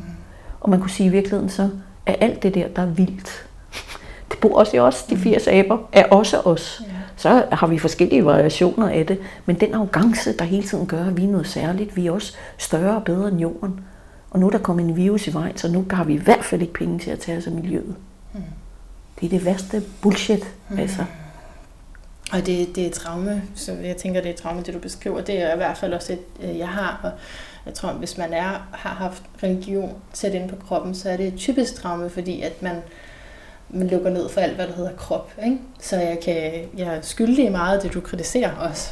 Ja. Altså, ja. virkelig, jeg kan, ja. Ærgerligt, du siger, at du er skyldig i det. Nej, ja, hvordan skal jeg ja, sige det så? Men, ja, at ja. det er en fælles ting, hvor ja. det er en del af den konstruktion, der hedder i alle vores systemer, i vores medicinske systemer, i vores religiøse systemer, i vores øh, hvad hedder det, læringssystemer til børnene og i vores øh, politiske systemer, så handler det hele tiden om at gå væk fra kroppen. Ja. Hele tiden. Så den fraspaltning, som måske er et dybt, dybt kollektivt ar, mm. det er blevet til konstruktioner, så hvor vi hele tiden tænker de længste tanker. Prøv at høre politikerne snakke. Det er det mest kedelige, der findes. Det er de siger kedeligt. sjældent noget, der passer til det, de har i gruppen. Mm. Jeg, jeg gør tit det, når jeg ser dem, så skruer jeg helt ned for lyden. Og så ser jeg på en mund, der åbner sig. Ja, ja. Så ser jeg på, hvordan ser ansigtet ud. Trækker de vejret? Står de? Hvordan gør de? Altså, og så tænker jeg bare, hold op. Så, så du har fuldstændig ret i, at misbrug, misbrug ind i undertrykkelse, autoritetsting, dominans, Ja. det, det er det, der har floreret og på en måde kunne fastholde fraspaltet skam, eksistens, isoleret. Jeg er dybt alene. Jeg er det mest værdiløse, der findes på den her jord. Det har kunne florere her. Så i stedet for at sige, at jeg er skyldig i det, kan vi sige, at jeg er dybt påvirket af det her. Lige præcis. Og prøver at finde vej ud. Du er ligesom mig Ja. og rigtig mange andre mænd. Vi er simpelthen, vi er manifesteret, vi er skabt ind i Mm. de konstruktioner, der er. Og, ja. og hvis vi overhovedet kan se corona som en stor, stor ressource, så er det muligheden for at rense. Mm. Det er muligheden for at formulde, det er muligheden for at cirkulere de Mm. tilstande, så vi bliver frie. Ja. Og frie mener jeg ikke power, farver fri. Jeg mener frie indeni. Ja. Hvad vil vi være med til? Hvad vil vi ikke være med til? Og det er jo ikke det er nødvendigvis det letteste liv, vel? Fordi jeg, så, jeg sidder og tænker på, nu det her arbejde, jeg har fået, så er jeg også med i sådan en fagforening, ikke? Og så er der mange sådan nogle Zoom-møder. Det, jeg tror bare, det er på Zoom på grund af corona. Men, men så er sådan, den første del er tit sådan noget politisk, og jeg kan simpelthen ikke høre, hvad der bliver sagt. Jeg tænker bare, hvis jeg virkelig sådan skulle sige, hvad vil jeg være med til, og hvad jeg ikke vil være med til, så, så bliver man også øh, sådan en forandringsbærer, så man er nødt til at, øh, at blande sig jo i det, man er i. Det er sandt. I stedet for bare at være dem, der ikke hører efter. Det er sandt. Og det interessante kunne være, hvis du forstørrede, hvis nu alle i den lille Zoom-møde var optaget af, hvad I hver ser, så kunne det være interessant, hvis du satte tempoet lidt ned. Hvad er det, der gør, at du ikke hører efter? Ja. Hvad er det for en sensning, du får i de 80 aber, Ja. men at der gør, at du ikke hører efter? Mm. Skal jeg svare på det? Ja, synes jeg. Det synes jeg. Altså indtil videre har jeg bare forklaret det med sådan ADHD-lignende træk ved mig, eller at jeg simpelthen ikke har koncentrationsevne til det, når det skal være så kedeligt. Altså det er kedeligt. Ja, og hvorfor bliver det kedeligt? Det er uvedkommende. Præcis. Og hvorfor bliver det Fordi udvedkommende? det er nogen, der har besluttet noget et sted og, om en eller anden overenskomst, og, øh, nå, og så blev det ikke til noget alligevel igen i dag, eller jeg ved ikke. Nej. Det, Ja. Har ikke noget med mig at gøre på en eller anden måde. Nej, lige præcis. Så, og så kan du i din, det der, hvor du også siger til mig, jeg er skyldig i. Ja. Ikke også? Jeg er skyldig i, og den kritik, der er. Og i virkeligheden kan man sige, det der sker, det er jo bare endnu en erfaring, du får af. Prøv at høre, jeg har svært ved at holde min koncentration. ja. Det er min erfaring, ja. Ikke? Det er det, du Mhm. siger om dig selv. Ja, Jeg hører simpelthen ikke efter. Det må være fordi, det er også lidt kedeligt, og hvis du virkelig, men det er også fordi, jeg ikke kan holde min koncentration. Ja, det er fucking fordi, du ikke kan holde din koncentration. Fordi det, der foregår, det er ikke i kontakt. Ja. Hvorfor er det ikke i kontakt? Altså, ja. Hvorfor har vi folk ansatte, som kører, altså som bliver ved med at køre med det ene ord, den ene gruppe, den ene øh, udvalg efter det andet? Mm. Det er så uinteressant, og det er slet ikke nature's order. Mm. Altså, der vil være, der dør jo millioner af folk, mens det her foregår. Det fører ingen steder hen, men og du har en sansning i din kloge krop, der hedder, hold da kæft, hvor er det spild af tid, det her. Ah. Ej, det er en fed vinkel. Jeg elsker den. Det er klart, du kommer også til at tage den på dig, som om det er dig, der er en idiot. Men Ja, ja, det er dig, der på en måde ikke kan holde din koncentration. Og det kan da også godt være, det er det. Ikke? Mm.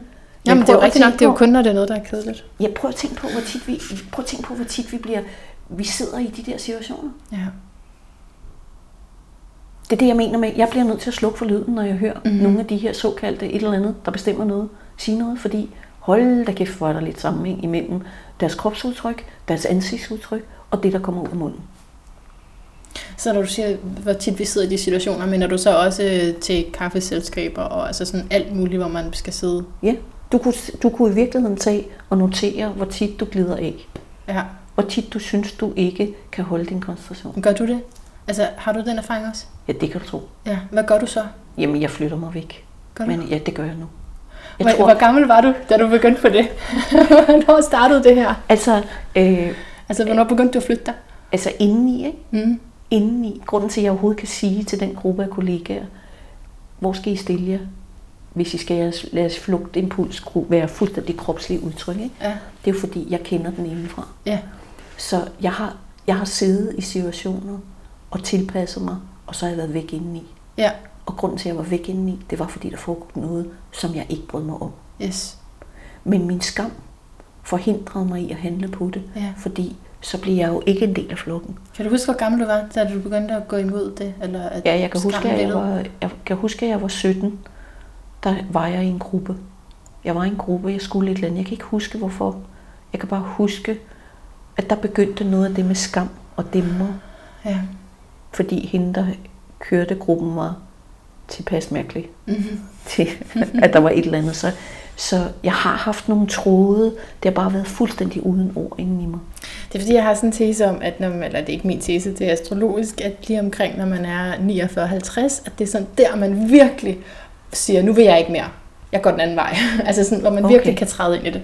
Men du har så, du var 17, så det, det Så vi kan godt tage den der med 7, 14, 21, Ja, Saturn, 21 ja. Saturn-runden. Ja. Ja.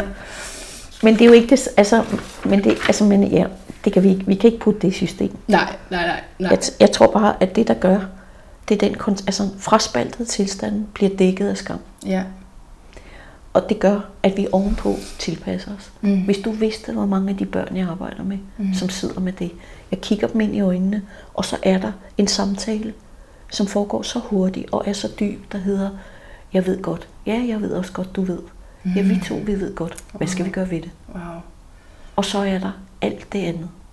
Alt det andet, som gør, jeg kæmper, Ulla, jeg har det røven til, jeg vil simpelthen ikke være her, hverken i den her familie eller i den her skole.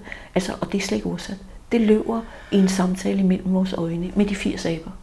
På en måde er det det, der løber. Jeg har set dig, jeg kan godt mærke, du har set mig. Hvad skal vi gøre ved det? Arbejder du med børn enkeltvis? Jeg arbejder med børn og med familier og, Okay. og Så- så man kan børnehaver og Okay. altså, ja, ja, altså alt Ja. muligt, som fra det lag, ikke? Ja, ja. ikke fra det andet lag, men fra det lag, der hedder, hvad foregår der i kroppen, Mm. mm. og er der sammenhæng imellem måden, du kommer ind ad døren på, går hen imod mig, og det jeg ved om dig, eller det der kommer ud af din mund. Fordi det indre dyr i os, men i løbet af 30 sekunder, så har det fattet. Der er en, livslang, der er tusindvis af bøger, sider om information mellem dig og mig. Mm. De første 30 sekunder. Mm. Hvis det ikke er fraspaltet, eller lukket væk, eller dæmpet af skam, så bliver vi optaget af, hvorfor en titel har hun? Har hun erfaring nok? Mm. Er hun gammel nok? Mm. Hvilket køn er hun? Er hun sød? I hendes hår er pænt? Nej, hendes hår er ikke pænt. Ved du hvad, hun er udlændinge? Det bryder mig ikke Så vil du sige, når man går op i de kategorier, så er det fordi, man... En formodning er, at det der er, det er den sensning, som er sådan et lovely Ja. early warning system, ikke? Ja, som er vores antenne den er blevet lukket ned. fuldstændig Right. fraspaltet væk. Right. Så bliver, jeg jo, så bliver jeg jo nødt til at orientere mig, og det skal jeg også. Jeg skal orientere mig efter, hvem jeg kan lide, om de er søde. Og, men altså, der bliver bare mere af det. Der bliver mere af en konstruktion, der hedder rigtig og forkert. Du er forkert, jeg er Ja, rigtig. fordi sansningen kan jo fortælle dig det intuitivt. Er det her farligt, eller, Ja. eller hvad, ikke? Og bliver det en god historie, og går det godt? Og, altså, det er jeg, det, kunne mærke, designer. jeg kunne mærke din gode energi helt ned fra, jeg stod op på altanen og vinkede dig ind ned fra parkeringspladsen. Der kunne jeg mærke det. Der Er holdt du rigtigt? 30 sekunder, tror du ikke? Jo, Ja. ja. ja, det kunne jeg mærke. Ej, hvor spændende. Hvad kunne du mærke? Jamen, jeg var bare sådan, Ulla! Og du gjorde det i en smuk kjole og sådan noget. Jeg mærkede bare god energi. Ja. Så der, ikke? Der Ja. havde du ikke svært ved at koncentrere dig. Nej, nej, det havde jeg Er ikke. det ikke interessant? Jeg var Men- meget optaget af, at du Ja. kunne finde den rigtige vej. Ja, ja. Nå, men jeg tænker også lige så snart, der, altså, Ja. er det ikke rigtigt? Det har heller ikke haft under den her samtale, i øvrigt, Nej. som jo har været nu over en time. Og øh, så, jo, du har ret. Point Ja. taken. Ja. Så når du, når der er kontakt på en måde, som du trives med, når der er en kontakt på Ja. en måde, som jeg trives med, Mm. altså, Så er det så, svært. så, er, så er vi der jo. Det er nature's order, men Jeg det er skal, effektivt. lige, jeg skal lige tænke over den der. Ja. Når jeg lige... ja, nu brugte Den- vi det også lige Ja, til det, det eksempel. er meget interessant. Ja. Altså, den skal, jeg, den skal jeg lige have med, om det er det, der kan forklare min øh, koncentrationsbesvær. Men øh, Tænk, hvis det viser sig, at du har en fuldstændig begavelse i at gå med kontakt. Ja. Og den kommer du til at lukke ned, fordi der er ting i dit liv, som du på en måde har valgt at være tilpasset i. Så, og så, er det jo, ja. så præget af andre også, ikke også? Altså, fordi du er så nem, nem at snakke med, så er det klart, så flyder det lidt heroverfra. Og hvis der er andre, der er mere øh, skærmet, så er det sværere for mig. Sådan oplever jeg det. Men tænk engang, hvis du kunne gøre det, altså hvis du kunne, hvis du kunne gøre det til den store overskrift. Ja. Jeg ved, hvornår der er kontakt. Ja. Altså, og deri kommer jeg til stede. Mm. Og det er derfor, jeg tænker, hver søndag fra 2 til 4, mm. er det det, vi kunne tage os af. Ja. Altså, vi kunne tage os af, hvordan vi får generobret evnen til at have kontakt nok, til vores krop kan få lov at gøre, hvad den skal. Ja. Den effektivitet, der er i naturen. Mm. Og hvis den effektivitet ikke er der, man, så dør vi. Mm. Altså. Mm. Og jeg, jeg har det sådan, der er rigtig mange, der dør af de her vacciner lige nu. Og det er også et udtryk for, at angsten er så stor, så nu skal jeg have en behandling, og jeg skal slet ikke forholde mig til, hvad der er, der foregår af fraspaltet tilstand inde i mig. Som I slet ikke. Mm. Og jeg har ikke noget på, det er slet ikke politisk, om jeg har noget på om vaccinen eller ej. Jeg ser bare, ja, det er fordi min redsel er så stor, og den er fraspaltet, og jeg orker på en måde ikke at tage mig af det. Mm. Og det er i orden. Ja. Det er i orden. Jeg orker det ikke. Jeg har holdt det og fraspaltet det, og nu eksploderer det op i hovedet på mig. Altså, og det er i orden. Mm. Jeg tager nogle valg, der hedder, lad mig få en sprøjte. Og ja, jeg har hørt alt muligt om det, og det her, det er en genterapi, og vi har ikke prøvet det før. Det er stadigvæk et eksperiment. Det har jeg hørt alt det der, Ulla. Jeg tager den alligevel. Hvis du vidste, hvor mange jeg har, der fortryder det. Hold da kæft, og har fået alt muligt med det, ikke? Altså, og sådan er det. Mm. Det er jo den, det er den udvikling, vi er i gang med lige nu. Og det, der kunne være interessant, det er, hvor kommer den udvikling fra? Kommer den fra hovedet? Kommer den fra konstruktionerne af? Jeg orker ikke at få... Jeg, det, der er i mit dyb, Mm. det orker jeg ikke at tage mig af. Mm. Det er for mange generationer. Jeg har, jeg har levet for længe. Jeg kunne ikke. Mm. Det er fandme i orden. Ja. Og det er jo, når du siger sådan, så er det jo med til ikke at skabe separation imellem, om man er det er fortaler eller, eller er imod vaccinen, ikke? Du siger, det er i orden. Ja. Ja. Men du har så den, altså kan du se, at det er fordi man, der er noget, man ikke har kræfter til at tage sig af. Ja, det vil jeg sige. sådan- Altså, det det, jeg vil jeg se, sige. ja. Ja. De første, den første måned eller to, hvor folk havde masker på. Men Mm. de øjne, der kiggede på mig, hvis jeg Ja. lod min, den der sansning, jeg har, ikke af de 80 aber, Ja. Altså, der var så meget redsel, der var så meget dødsangst, Ja. der var så meget chok, så Ja. jeg kunne gå fra en indkøbstur i Irma, og så var jeg fuldstændig rystet, og det var ikke mit eget. Nej. Så så meget har det rystet inde i folk. Hvis man så ikke har de begreber, eller har den bevidsthed, eller at der er nogen, der lige siger, hey, skal du ikke lige, skal vi gøre noget sammen her?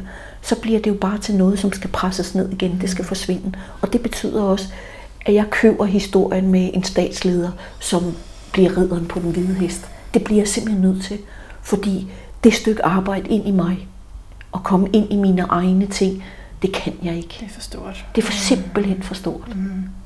Og det er i orden. Mm. Ja. Så det jeg så i stedet for gør, det er, at jeg tager imod en behandling, som for mig falsk lover, at nu går det godt. Mm-hmm. Og som kræver, at vi har et samtykke, fordi det er en eksperimentel del, og at den om fire eller fem måneder skal gentages, fordi så har virer muteret tilpas meget til, at vaccinen ikke længere gælder. Ikke? Så de principper, der ligger i enhver form for vaccine, den her er så en lidt anderledes vaccine, en mRNA-vaccine, altså de principper, der ligger her, dem har jeg hørt fra et meget lille del af mig, fordi resten af mig er redselslagen for, at jeg dør.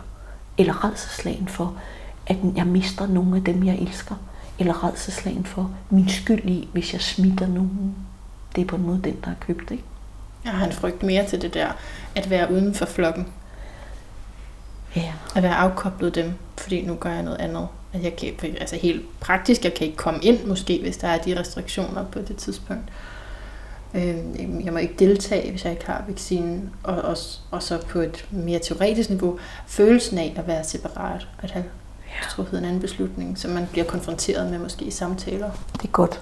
Men så det er på en måde, og, og jeg får lyst til at sige, at du og jeg og en del andre repræsenterer den forskellighed. Mm. Og skal på en måde kunne stå i, Mm. at mærke det, ikke? Ja. Men jeg får lyst til at sige, at i dybet, Mm. også dem, der er redselslagende, mm. så handler det også om det. Mm. Det handler om, hvis jeg ikke gør, som størstedelen af Danmark gør, hvis jeg nu kun tager Danmark, så bliver jeg ekskluderet. Ja. Og hvad gør min skam så? Min skam tror jeg dør. Det er den vildeste. Ja, så jeg tænker, det du mærker, det jeg mærker, er det, der er der i forvejen. Ja, det er det, der er i forvejen. Ja, ja. Dybt ind i os. Ja. Og som er måden, vi fungerer på. Mm. Der hedder ind i flokken. Ja. Ind i flokken. Ja. Hvorfor en flok? Mm. Jamen ind i flokken. Den her flok. ja. Fordi hvis du ikke gør det, så dør du. Og på en måde er det jo det, der også er sket. Det er alt det der sociale. Nej, nej, nej, nej, nej. Ja, ja. Nej, nej, lad os samles om, at det er farligt. Du er Mm. farlig. Du skal være. Nej, nej, nej, nej. Det er meget symbolsk. Er det ikke? Jo. Og når jeg kommer ind i den energi i mit nervesystem, så kan jeg synes, det er det mest ondskabsfulde, der foregår på jorden lige nu. Jeg, ikke, Mm. jeg ved ikke, om nogen har lavet det her. Jeg ved det ikke. Mm. Jeg kommer aldrig til at vide det. Men noget af det, der foregår, men er så ondskabsfuldt.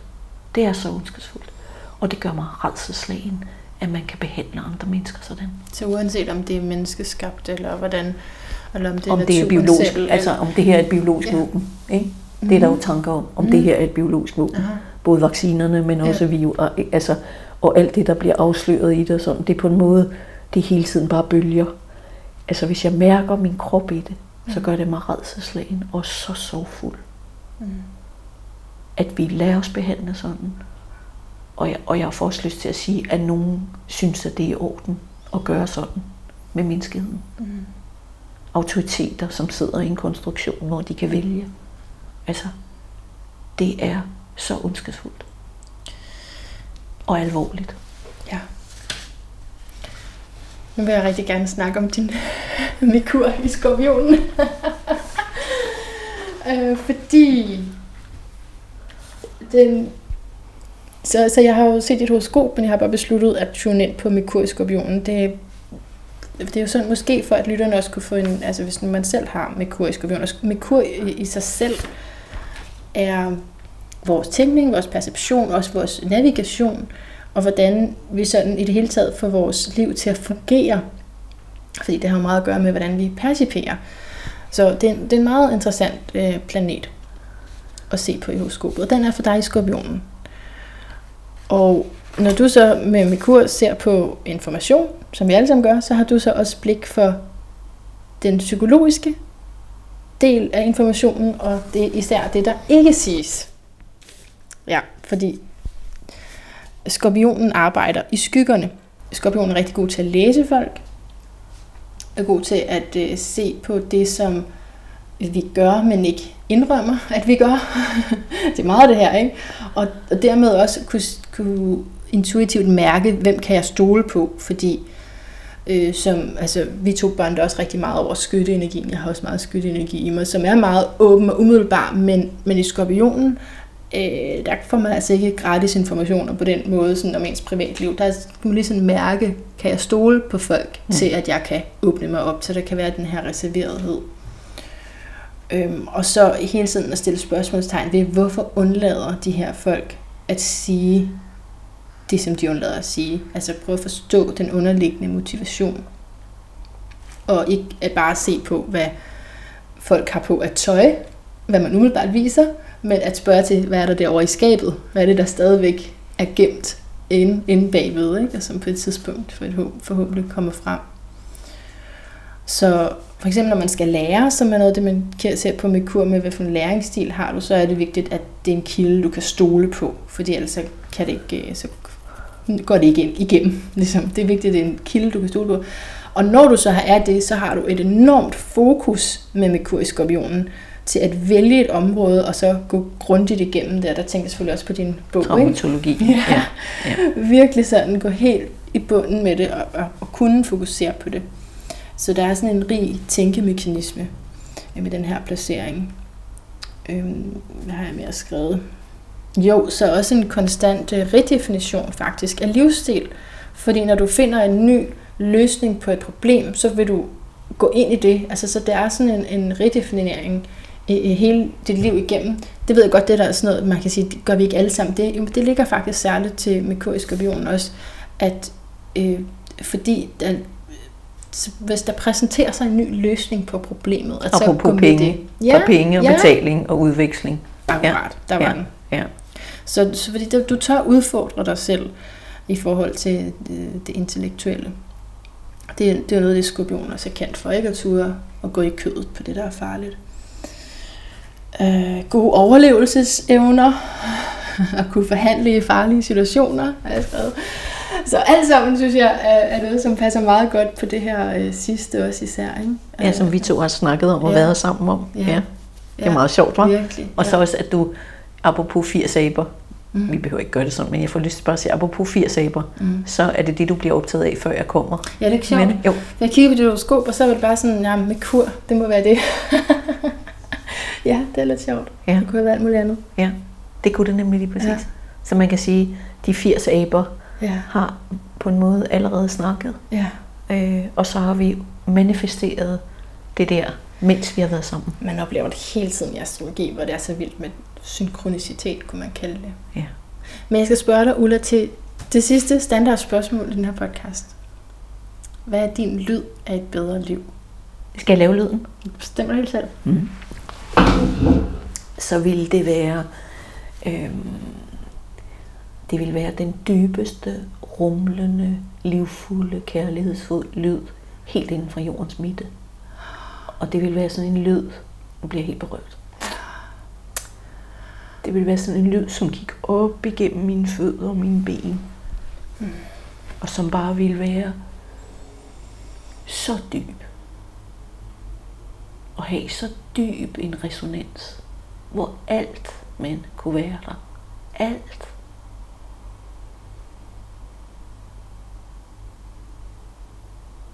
Og der vil både være råhed, der vil være kærlighed, der vil være alvor. Der er også liv og død.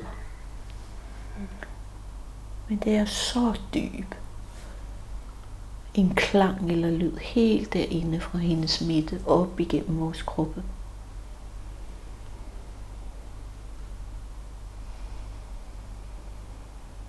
Og så ville det være blandet med vand.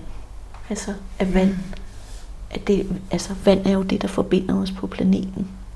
Det er jo 80 procent vand, ikke? Så den klang i det der dybe, dybe, dybe, der kommer inde fra hendes midte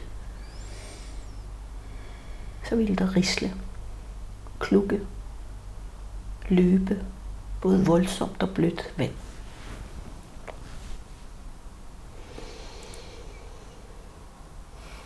Det er det jorden, der laver lyden. Siger du? Er det jorden, der laver lyden? Ja. Nej, det er jordens kontakt med os, der laver lyd. Jordens kontakt med os. Vi er fuldstændig glemt, hvad det vil sige, at vi er manifesteret her. Mm. Vi er skabt ind i hendes fysik. Mm. Så det er overhovedet at være forbundet, og ikke trukket væk fra og op i hovedet. Den klang og den lyd. Vi bor et meget fint sted, ikke? hvor der er masser af natur. Og de sidste par måneder, der har jeg haft det sådan, at jeg næsten har kunne sense de tekstoniske plader bevæge sig. Mm. Det er ligesom om hun brøler. Jeg tænker, kan vide, om det betyder, at der kommer mere vulkan? Kommer der en bølge, der er kæmpestor og løber ind over kyster, eller hvad sker der? Hun er i gang med noget.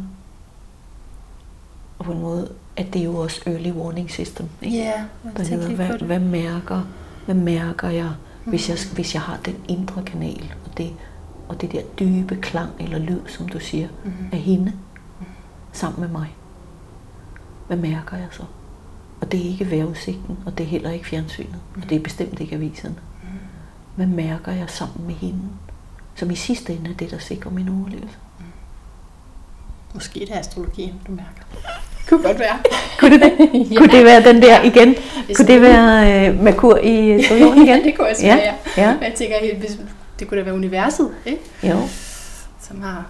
Det er, jo, ja, det er jo så vildt med den der forbundethed. Jeg kan slet ikke rigtig begribe det. Nej, Tusind tak, Ulla, for det det er her. måde. Men at det var enkelt og dejligt. Og Virkelig, virkelig ja, dejligt. jeg, har, jeg har mærket nogle sammenhæng med det med min mor og skam og 2. verdenskrig, som jeg ikke har sat ord på før. Er det rigtigt? Ja. Wow. Altså, så det, det er det opstod imellem os. Det er meget dejligt. Tak for det. Jeg er helt rigtig at snakke med skam om. det, det er helt sikkert. Af hjertet tak til dig, fordi du er den, du er, og fordi du har været det i vores selskab. Et selskab med traumatologi, det at bringe sig selv i sikkerhed, det at blive healet, forløst, befriet og finde frem til, synes jeg meget fint, som Ulla sagde, hvad vil jeg ikke længere være med til.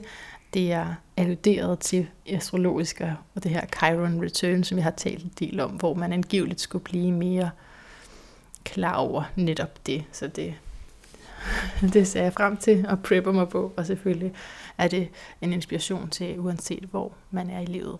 Som jeg fik sagt undervejs, så håber jeg, at du kontakter Ulla, hvis du er interesseret i nogle af de ting, der hun nævner det. Jeg håber jeg generelt for alle mine lyttere, at, at du tager kontakt, hvis der er noget, der kalder på dig. Jeg vil lige sige også, at hun nævnte på vej ud af døren, at øh, det er ikke det fedeste at få øh, lange mails om øh, personers traumer, fordi at det kan egentlig mærkes meget tydeligt i hendes system, det som man kan sidde og skrive i sådan en mail der, så hvis det er på den måde, så er det bedre at ringe eller ja, booke noget af det, man kan ved hende, som jeg ikke er helt sikker på, men det kan man se ind på hjemmesiden, og det linker jeg selvfølgelig til. I øvrigt, hvis du er en elite-lytter til Lyden af et bedre liv, hvilket du næsten må være, når du er her endnu, jo, så kom jeg til at sige, i, jeg tror det var i min ene tale, at jeg fik talt om, at vi skulle, den næste jeg skulle snakke med handlede om følelsesforurening. Men det interview blev aflyst, og det er sådan lidt skørt, fordi det er hver gang, jeg fortæller frem i tiden med nogen, jeg ikke har interviewet nu, når jeg fortæller om det, så bliver det afløst. Det har, altså, sådan tror jeg, det har været hver gang. Altså, det er så skørt, så får jeg lige det der sagt, og så, ups, så sker der et eller andet. Det kommer som regel til at ske, men at det at går kluder i det med tiden. Så jeg skal virkelig passe på med det der med at fortælle forud. Jeg er ikke helt sikker på, at der er evidens for det, men jeg synes bare, at det, har, det er påfaldende, at det er sådan, det sker. Så det blev afløst, fordi ja, hun øh, havde faktisk symptomer efter en vaccine, og måtte derfor lige øh, have noget tid. Så jeg ved ikke, hvor lang tid det går, før at jeg får det interview, men ellers så har jeg legnet mange spændende op her over sommeren, både i den ene og den anden retning.